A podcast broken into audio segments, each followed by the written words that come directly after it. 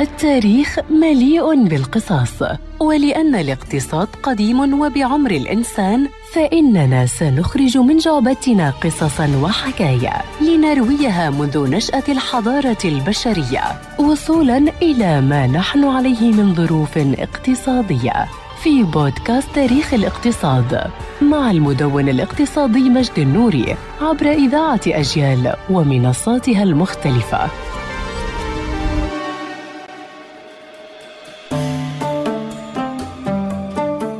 قبل اختراعه استخدم كل شيء للتعبير.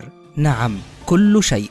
من حجر لطين لشجر لورق برداء ورق البرداء الذي تطور منذ ثلاث آلاف عام قبل الميلاد كان الشرارة الأولى للورق. ولكن الشجر نعم الشجر كان شرارة الورق الذي نعرفه اليوم. أما أقدم ورقة معروفة فتعود إلى مئتي عام قبل الميلاد.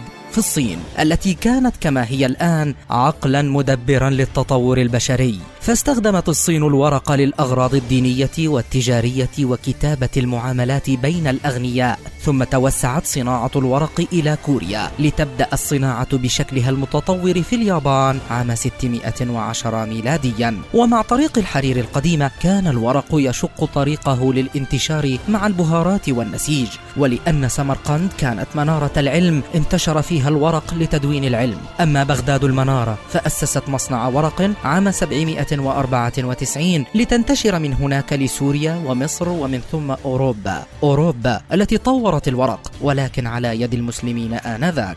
ثم وفي القرن الثالث عشر كانت إيطاليا موطنا لأشهر المصانع العريقة. أما القارتين الأمريكيتين فعرفتا الكتب والورق من الإسبان المهاجرين للمكسيك حيث تأسس أول مصنع ورق في القرن السادس عشر. ومنذ ذلك الوقت والورق كان مسجلا للتاريخ وصانعا له بآدابه واقتصاده حيث في عام 2023 أنتج ما يقرب من 417 مليون طن متري من الورق والورق المقوى والكرتون ليصنع الورق لنا كل شيء من الدفتر وحتى النقود.